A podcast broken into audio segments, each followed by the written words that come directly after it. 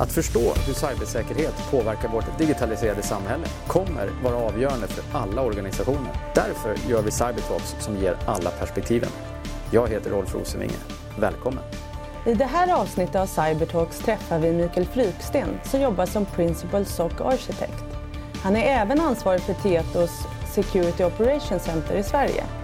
I avsnittet diskuterar Rolf och Mikael bland annat vad en SOC gör, hur den jobbar, vad man ska tänka på när man ska upphandla SOC som tjänst och varför det kommer vara svårt att klara sig utan en SOC i en allt mer digitaliserad värld.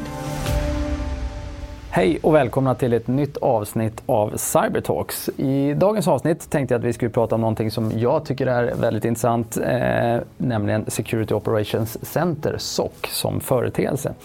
Eh, och med mig idag så har jag mm, Mikael Fryksten från Tieto. Välkommen! Tack så mycket! Du, eh, vi har inte riktigt hunnit träffas i något annat sammanhang förut, förutom att vi hann dricka en kopp kaffe tillsammans här innan. Men kan inte du börja med att kort beskriva vem du är och hur du kom i kontakt med att arbeta med en sock?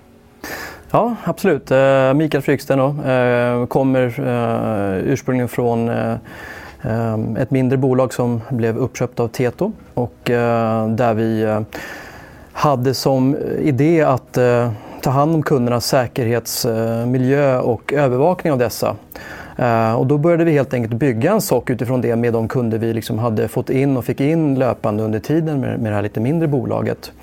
Eh, och bakgrunden också för mig personligen är att jag har alltid haft ett väldigt starkt intresse av att eh, försöka hitta hot och detektera hot. Och, mm, kan nämna att Bruce Schneier var en, en, en, eh, en, en profil, en idol kan man säga, om man ska nu gå till den, eh, det, den benämningen, eh, som drev något som heter Counterpain för många år sedan. Eh, och det där var någonting, innan vi startade bolaget så, så var det någon form av förebild. Så jag har alltid varit väldigt fascinerad av att faktiskt övervaka nätverk, trafik, loggar, eventloggar från system och så. Så det är väl en kort, en kort sammanfattning. Amen. Och då är vi ju någonstans också inne på lite grann vad ett Security Operations Center jobbar med. Eh, men varför är det, varför är det viktigt? Behöver alla ha en SOC? Och, eh, eller hur ska man tänka? Hur ska man tänka? Ja, alla behöver ju olika lager av eh, skydd och detektion någonstans i grunden i alla fall. Så att dels behöver du kunna stoppa hot med de traditionella skydd du har. Men ska du kunna upptäcka något eh, som, som sker i, ditt, i, din miljö så behöver du ju en SOC-funktion av något slag, ja. Sen måste ju varje organisation svara på den frågan om man måste ha eller inte. Alltså man får ju, det är någonstans en risk man får ta om man inte har det. Men kategoriskt svar, ja men det är klart att man måste ha det för att annars har du ingen detektionsförmåga.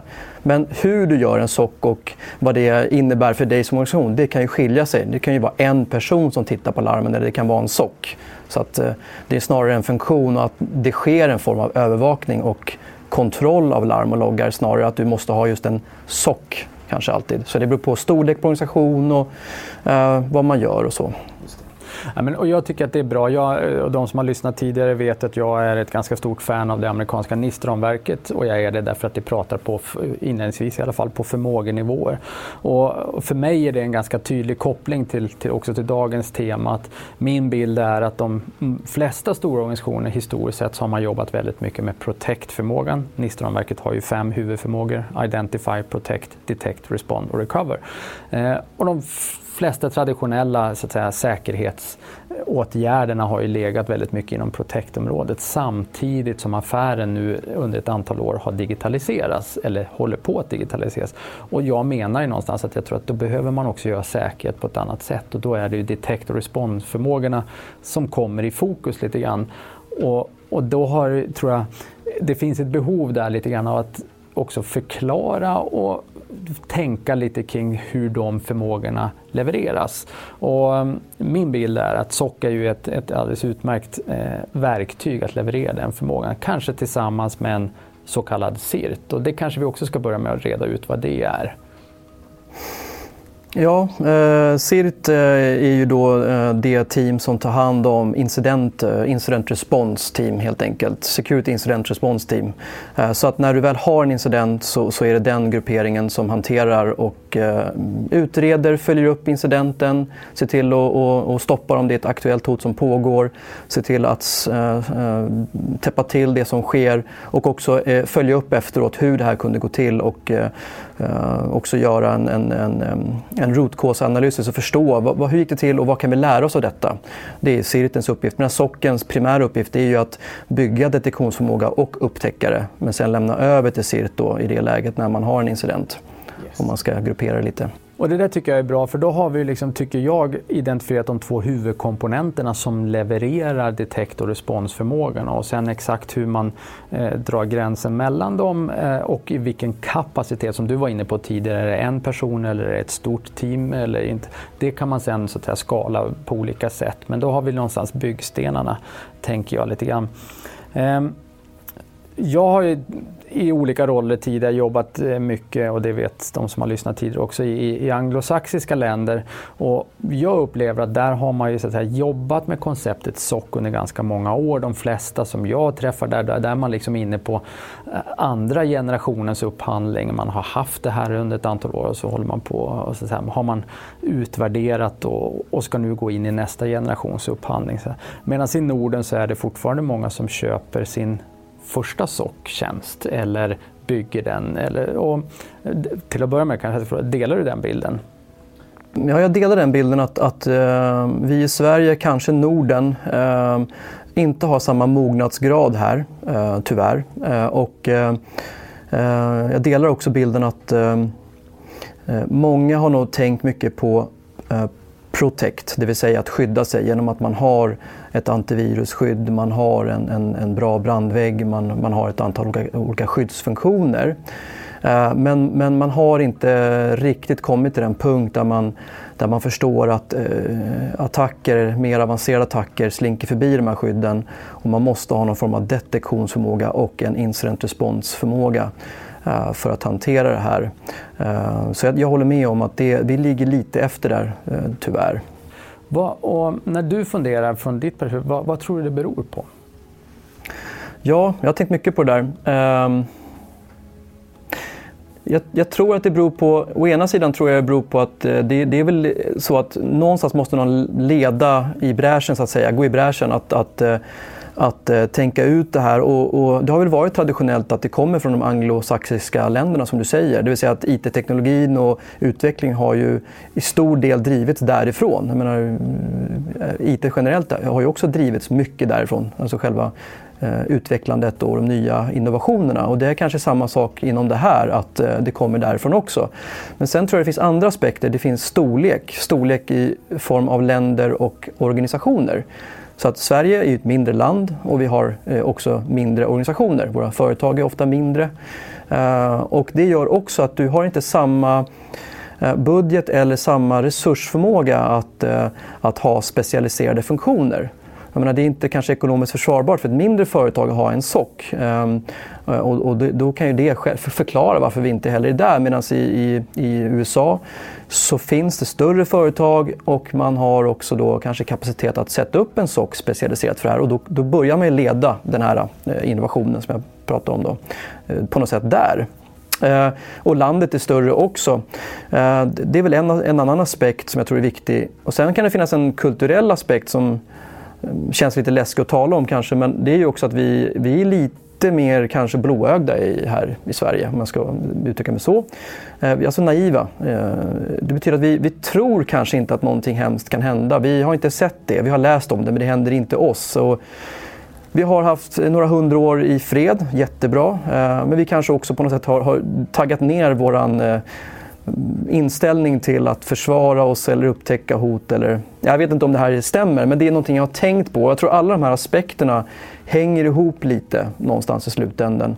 Um, ehm, och sen finns det också en annan aspekt, och det ska man inte heller, den ska man nog inte förringa. Det är också på statsnivå. Så det är klart att de här större staterna som också är ganska offensiva också i sina egna eh, ageranden. Det kan vara offensiva eh, ageranden inom underrättelse, det kan vara Eh, offensivt också rent militärt och, och, politiskt.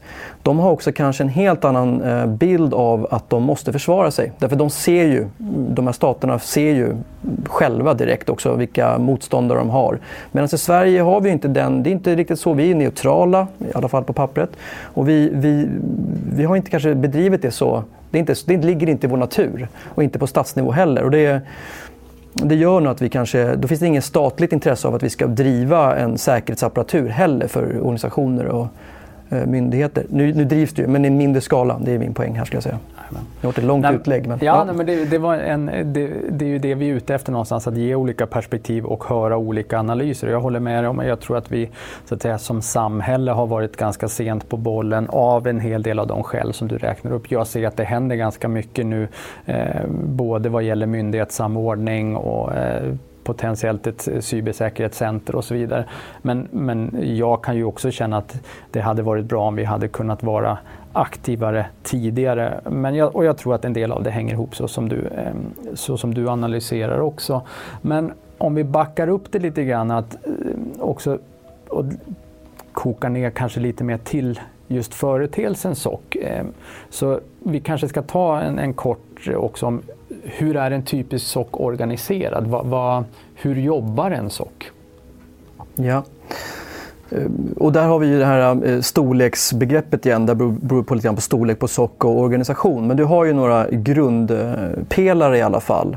Eh, du har ju en analysförmåga, det vill säga att du har förmodligen en person eller en grupp av personer som hanterar analys, det vill säga titta på larm, titta på loggar, Eh, och eh, försöker förstå om vi ser någonting eh, som, som faktiskt har skett eller inte här. Ehm, sen har vi en, en CIRT som du också pratade om som kan finnas inom SOC eller utanför, men i alla fall i organisationen, som hanterar incidenter så att du kan eskalera till, till en incident responder-funktion i många fall. Eh, du behöver också någon som hanterar plattformarna, det vill säga du har kanske ett antal plattformar som en logglösning, du har eh, incidenthanteringsfunktion, eh, alltså kanske någon form av ticketsystem. Du behöver någon som, som driver de här plattformarna och sköter dem, så du har någon form av DevOps eller mm, en, en, en, en funktion som faktiskt hanterar plattformarna också och utvecklar dem. Ehm, och du behöver också kanske en grupp eller en förmåga att eh, skapa detektion. Det vill säga att eh, de som tittar på larmen, analytiker, behöver ju, de här larmen ska ju skapas av någon. De kommer inte av sig själv så att säga. Eh, och då behöver du också en funktion för att faktiskt skapa larm, eh, bygga dem, Eh, kanske testa dem i labbmiljö. Det kan vara allt ifrån att du har eh, någon form av Red Team internt som, som, som faktiskt utför penetrationstester och eh, testar olika attacker och sen bygger larm utifrån vad man ser. Eller man utgår från en eh, metod, metod till exempel eh, eh, Mitres attackramverk Eh, Eh, och skapar detektion från det. Eller man kanske använder en produkt som har eh, larm klara som man trimmar. Men du behöver någon som skapar larmen och, och ser till att de faktiskt byggs och, och genererar larm och trimmar de här kontinuerligt för falsklarm också. Eh, så att analytikern har någonting att titta på. Um, ja, det finns mycket mer man kan ha i en sock, men det här kanske är grundpelarna. Ja, ja men jag håller med. Och om vi, så att säga, eh, vi, vi nämnde några viktiga saker. Tror jag. Mittes attackramverk tycker jag är eh, definitivt någonting att titta på när man funderar kring de här sakerna. Jag tror man får ut ganska mycket bra input hur man behöver både organisera och utrusta sin detect och responsförmåga oavsett om det sen är en fullskalig sock eller inte. Men eh, jag, jag tänker jag slänger ur med några påståenden vad jag tror att en sock behöver och så får du, får du respondera. Men, men min bild är i alla fall att man behöver ha, eh, man behöver ha någonting där man håller samman det här och traditionellt sett har det varit en så kallad CM-lösning. Eh, gäller det fortfarande? Uh, ja, en CM av någon sort behöver du. Sen kan ju begreppet CM kan man diskutera men du behöver definitivt en eh, plattform för att samla in och inhämta säkerhetsloggar. Och du behöver ju ha i den plattformen också eh, en, en funktion för att larmsätta och, och eh, visualisera det här på något sätt. Uh, korrelera information. Eh, skapa rapporter. Och det, kan, det här kan du ju traditionellt göra i en CM plus en hel del andra saker. Så ja, du behöver en CM. Och sen var vi inne på, eh, och det tycker jag eh, var en bra poäng av dig tidigare, ett, alltså, själva ticketing-systemet så att man kan systematiskt jobba, att man inte tappar saker mellan stolarna när man lämnar mellan skift eller individer. Ja, extremt viktigt. Eh, för att dels eh, kunna följa upp larm och se dem eh, och inte tappa bollen som du säger. Men också att du i ticketsystemet, om du har ett bra sådant, kan också där korrelera saker. Det vill säga att om en analytiker har sett ett larm en vecka tidigare för samma organisation eller samma system eller från samma källa och sen en vecka senare så är det en annan analytiker som tar larm redan i ticketsystemet kan se historik och korrelering kring de här händelserna så att man ser eh, sammanhangen. För det är väldigt svårt när man sitter som analytiker och se, när man tar larm efter larm efter larm, så, så ser du ju inte alltid sammanhangen för att du tar dem kanske individuellt och framförallt när du har flera personer, då är det också svårare. Så du, du, behöver ett system för att hantera incidenter, om man nu säger tickets, yes. eh, och, och, kan se eh, ja, kontext och kopplingar kring det här. Mm. Um framgångsrika sockar som jag har stött på i olika sammanhang eller eh, möjligen i något fall hjälpt till att designa eh, också ehm, har eh, jobbat bland annat också med som integrerat i socken som ett av de verktyg man sitter och så att säga, jobbar i. Eh, till exempel en så kallad EDR-lösning, alltså en endpoint detection och responslösning. Man har jobbat med nätverksanomalidetektering och man har jobbat med att integrera Threat Intel eh, i, i den här lösningen. Håller du med om att det är relevanta komponenter? Eh, ja, det är absolut relevanta komponenter. Eh, dock tror jag att, för att kontra lite här, jag säger inte att de inte är relevanta för det är de i allra högsta grad. Jag skulle säga att det, har du det här så har du ju jättemycket på plats. Men det jag skulle kontra med är att många organisationer har inte det här idag. Så jag tror att en viktig också ett budskap som jag skulle ge det är att du måste inte ha allt det här på plats. Du kan faktiskt börja med dina Windows Event-loggar. Eller du kan börja med kanske det här lite mindre avancerade antivirusskyddet du har. Eller kanske den Next Generation Firewall du har som inte kanske ser anomalier men ändå har detektionsförmåga. Du kan börja där också.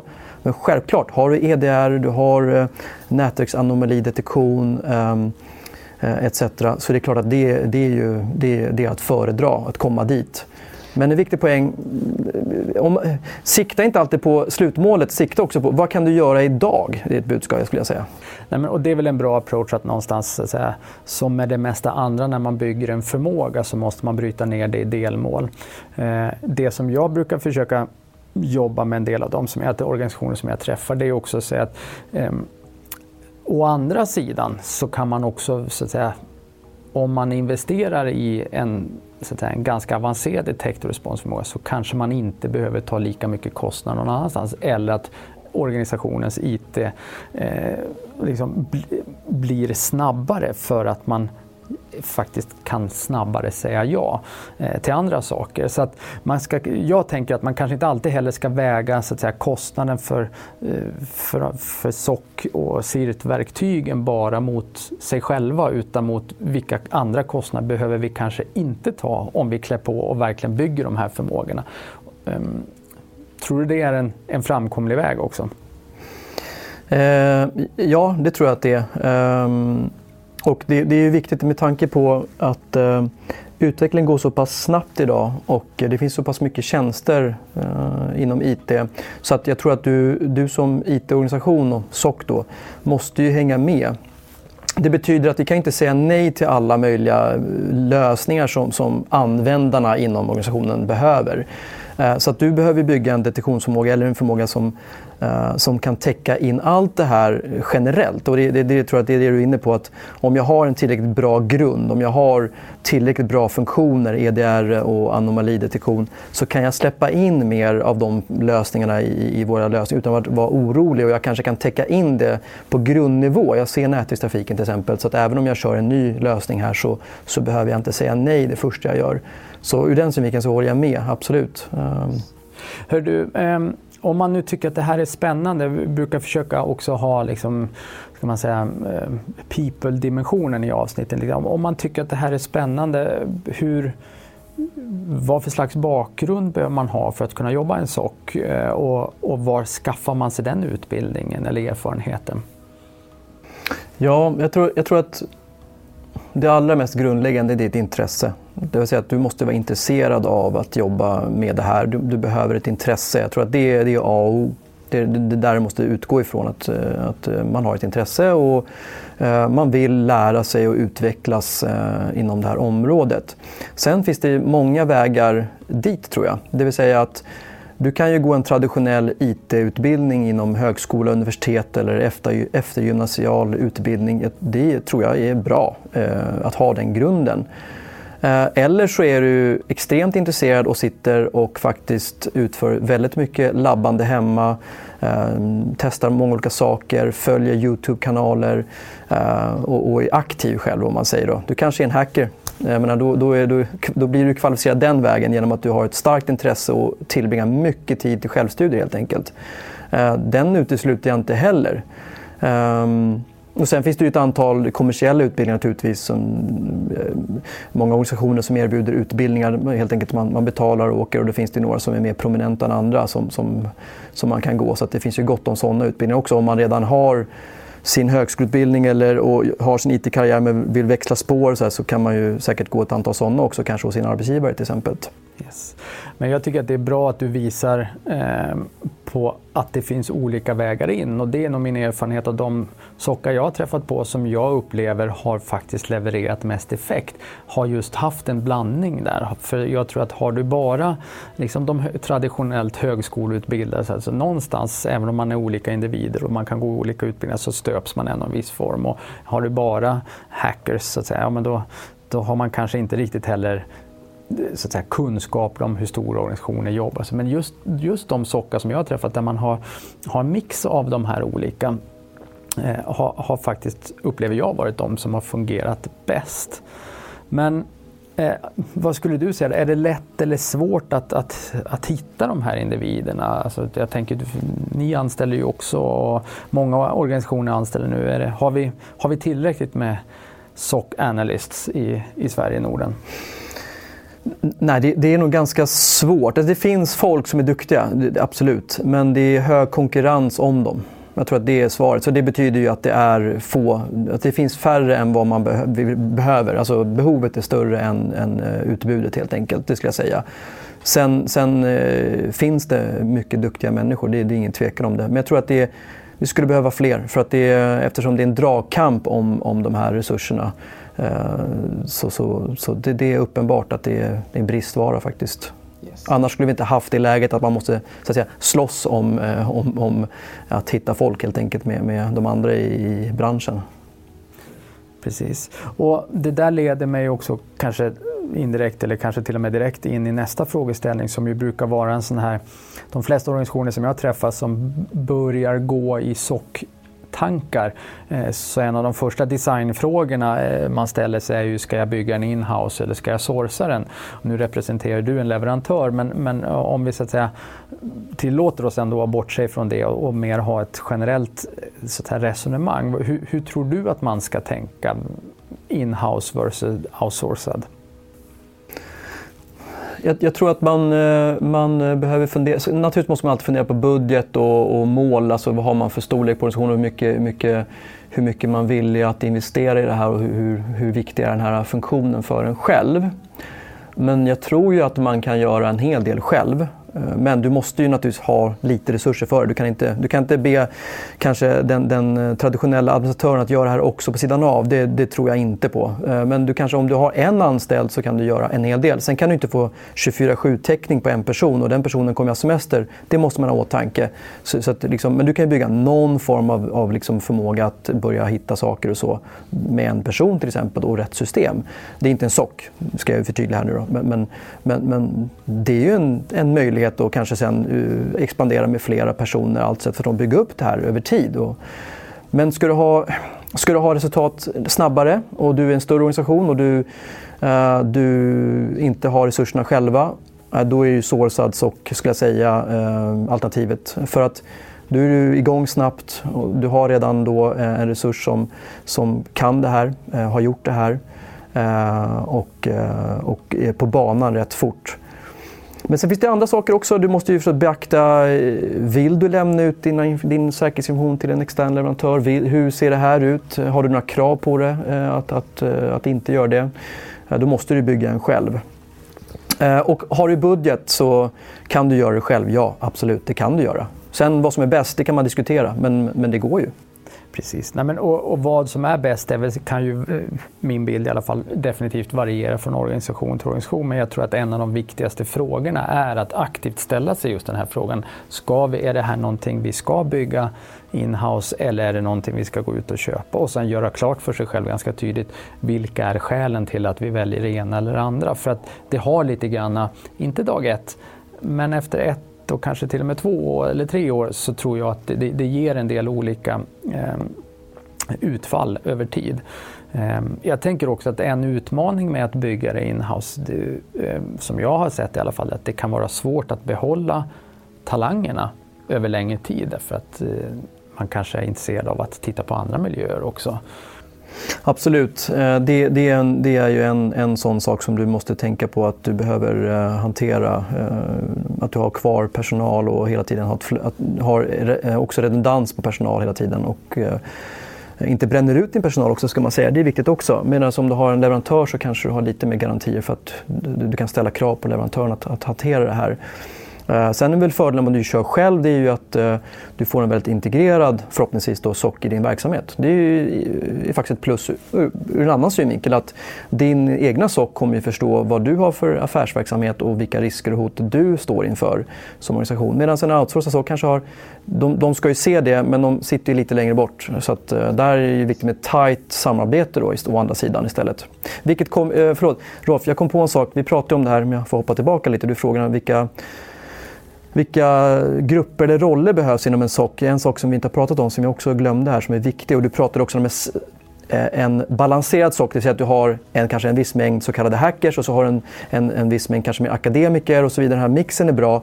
Men en, en viktig sak som jag glömt är ju eh, kundrelation. Om, du, om jag nu eh, driver det här internt eller externt. Alltså någon som kan från SOCens sida prata med affärsverksamheten är ju också extremt viktigt. För annars missar du den här eh, kopplingen till varför har vi en sock? Vart är vi på väg med socken? Och vad, vad är viktigt för organisationen? Och vad kan vi förbättra? Du behöver prata med andra inom organisationen. Jag menar om du ser hot men inte pratar med brandväggsadministratören eller antivirusadministratören eller vad det nu är och täpper till hoten, då får du ju inget mervärde där att, att skydda dig. Så det kundrelation, eller vad man nu ska kalla det här för, det finns olika benämningar på den här rollen, den är ju också extremt viktig i en SOC. Ja men det tror jag. Och Eh, jag tycker att det, det, är faktiskt en ganska viktig del av, den, av hela den här diskussionen också. Att oavsett hur, om du väljer att ha en SOC-förmåga eller en detect och respond-förmåga, till exempel genom en SOC, inhouse eller outsourcad, så behöver du just skapa den där bryggan för att få effekt. Eh, och en, en skärning som jag har stött på ganska ofta och som jag också har varit med och designat vid något tillfälle som jag tycker fungerar relativt bra, för, för många i alla fall, det är att som, som kanske har valt att sourca socken och så bygger man det så kallade CIRT, alltså incident response-delen eh, inhouse. Så det behöver inte vara många liksom, huvuden, inte många anställda, men att det blir också Sirten blir också den som inriktar eh, socken och så skapar man samspelet däremellan. Och de är anställda och eh, Sirten alltså och har då också den här lite djupare kontakten in i, in i organisationen så att man kan fånga upp vart är affären på väg och, och så vidare. Ehm, är det något som du har stött på också? Ja, absolut. Så att många kunder har ju en CIRT-funktion eh, som, som, som, eh, som, man kan, eh, som man lämnar över till och ibland har man inte det och då kanske vi eh, bistår med den i, i olika for, former. Då. Eh, och jag tror att det är, det är en jätteviktig eh, funktion oavsett att du, om du sourcar så behöver du i alla fall i din egen organisation som kund se till att du har eh, en eller någon, några som, som faktiskt hanterar den här kommunikationen mot socken. Om det är en CIRT kanske är det bästa att ha då, men du behöver åtminstone ha någon som faktiskt är din kontaktyta mot SOC och eh, tar in input och hanterar det inom din egen organisation. För det är bara din egen organisation som kan driva förändringarna i din egen organisation. Det kan ju inte en extern SOC göra åt dig, så att säga. de kan ju bara tala om för dig. Men att ha en egen CIRT, absolut. Eh, det, det, det är nog viktigt och, och, väldigt bra. Men återigen, det också beror på storlek på organisation tror jag. Sådär. Mm, lite grann. Precis. Men du, ehm, sen om man då som organisation tar det här steget nu, om man, vi säger att man, man, man sourcar en SOC och man kommer överens om en techstack som den ska jobba med och vem som ska köpa in det och, och drifta det och så börjar socken eh, jobba här och det kommer ju börja plinga till. Ehm, och sådär. Men hur, hur vet man att man har en bra sock? Hur mäter man en socks effektivitet? Ja, det, det, är en jättesvår fråga för att om jag hade svar på den så hade jag löst allting så att säga. Alla mina dagliga problem. Nej, men eh, hur vet man att man har en bra sock? Um, jag tror att det, det är självklart, du kan ställa krav på rapportering och uppföljning och KPI-er eh, viktiga beståndsdelar, att kanske sätta lite mål, vad du vill få ut av din eh, sock så att säga eh, och försöka mäta det. Och det här kan eh, då vara lite olika relevant för olika organisationer också. Så att du får, en organisation kanske vill ha det här, en annan en, en annan sak. Men du som organisation, om du sourcar det här, eh, ställ krav på det. Det här, det här är det jag vill ha ut. Eh, jag vill mäta det på det här sättet eller jag vill ha det visualiserat på det här sättet. Uh, om det är i form av rapporter eller någon dashboard eller vad det nu kan vara. Och sen jobba tillsammans med socken på det här. Och det är här jag tror den här eh, kundrelationen, den här rollen är viktig då för att utveckla. Uh, Sen är frågan, bra sock? Men bara för att du får bra rapporter betyder det att det är en bra sock? Nej, men det är egentligen inte. Utan det är förhoppningsvis ett sätt som du kan se om det går bra eller dåligt. Eller på något sätt i alla fall följa upp. Du ser saker. Men andra viktiga saker, eh, det är ju naturligtvis detektionsförmåga. Hur vet du att det är bra? Det är extremt svårt. Eh, då ska du i princip ha en egen Red Team-övning, alltså göra egna pentester och ställa socken på, på prov, vilket har sina utmaningar. Eh, eller så har du en tight dialog också och försöker få inblick hur man jobbar. Fråga om eh, metodik, fråga om, om hur man jobbar. Ställ frågor, ställ krav. Ehm, alla kör ju inte kanske interna Red Team-övningar men gör man det så har man ju ett sätt. Då. Men sen ska man komma ihåg att om man gör Red Team-övning, alltså man sätter ut pentester, så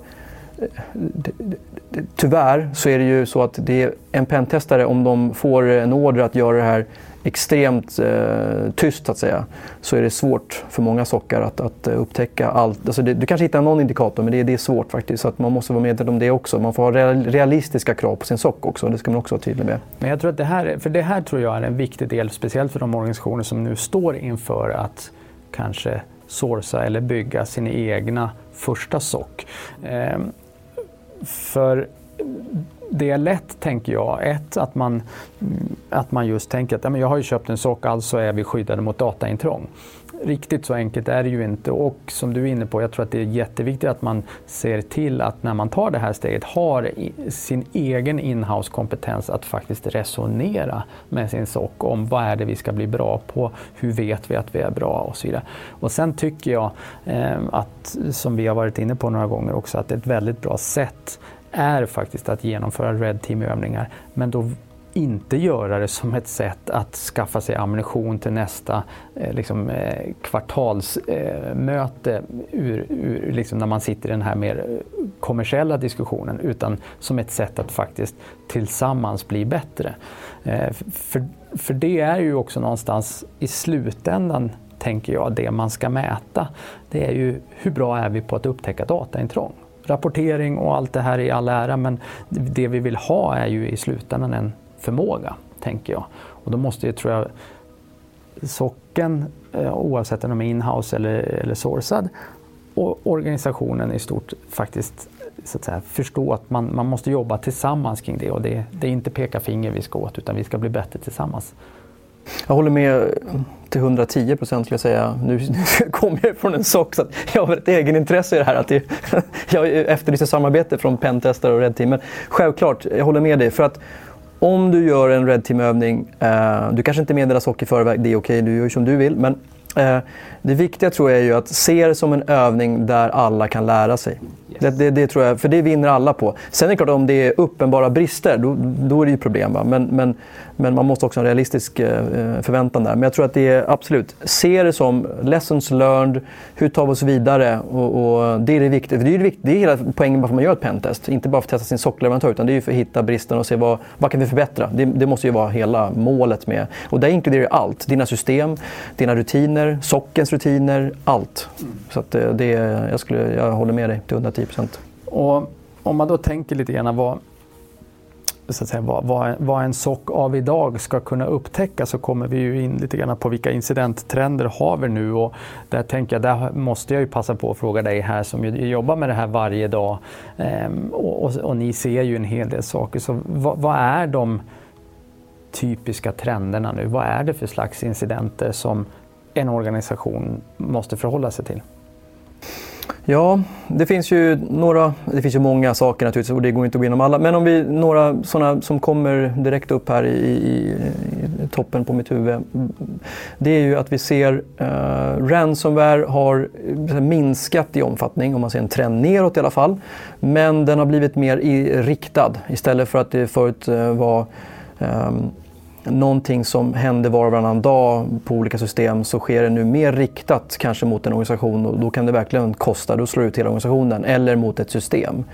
Så det, det har minskat i kvantitet men de som gör ransomware idag, de riktar in sig mer och får en mycket större eh, effekt idag. Så de kan sluta ett företag med ransomware idag, vilket är otroligt jobbigt. Eh, och det har vi ju hört om Norsk Hydro till exempel här nyligen. Så det, så det, det är en trend eh, som vi ser att, att kvantiteten går ner men, men inriktningen har ökat, det vill säga att man är mer målinriktad. Och det leder mig till min andra trendspaning, eh, det är att angriparna idag eh, de har en mycket större arsenal att jobba med och mycket mer kunskap än för några år sedan. Så att det vi ser idag det är en, en eh, kombination av APT-tekniker i kombination med kanske att man sen använder ransomware eller utför eh, coin mining eller vad man gör. Så att vi ser ganska ofta idag att angriparna kommer in, eh, de rör sig i miljön eh, under en längre tid. De använder APT-tekniker, lateral movement, privilege escalations. De kartlägger nätet och befinner sig i nätet en längre tid. Eh, och självklart kan de göra mer eller mindre vad som helst under den här tiden. De kan suga ut information eller annat. Och sen så efter några veckor eller en viss tid så kan de avsluta genom att eh, installera ransomware på alla eh, datorer och alla servrar och allting egentligen i ditt nät så att säga. Och sluta hela din verksamhet och lämna det så. Och, och, därmed hoppas att de får en tung lösensumma också som, som, en, som en, en fet check på slutet. Förutom det de redan har gjort under den här perioden de var inne en längre tid, helt uh, oupptäckta. Så den här kombinationen är oroväckande och just att, vi, att APT-tekniken har blivit så vanlig, det betyder ju att det här har ju spritt sig och vi har mycket mer kompetens ute där i, i, i eh, omvärlden bland angriparna och de, de använder de här eh, ja, verktygen som är allmänt tillgängliga idag, som, som alla kan använda. Och, och det liksom gör att det blir lättare också för dem att göra det här idag. Det är nog den viktigaste trendspaningen jag har, att just det här eh, det är mer målinriktat och de är duktigare att hålla sig undan och de, de tar sig in. Och hur de tar sig in, ja, det kan vara social engineering, det kan vara att de utnyttjar sårbarheter, phishing och så vidare. Eh, men målet är att komma in och, och få fotfäste.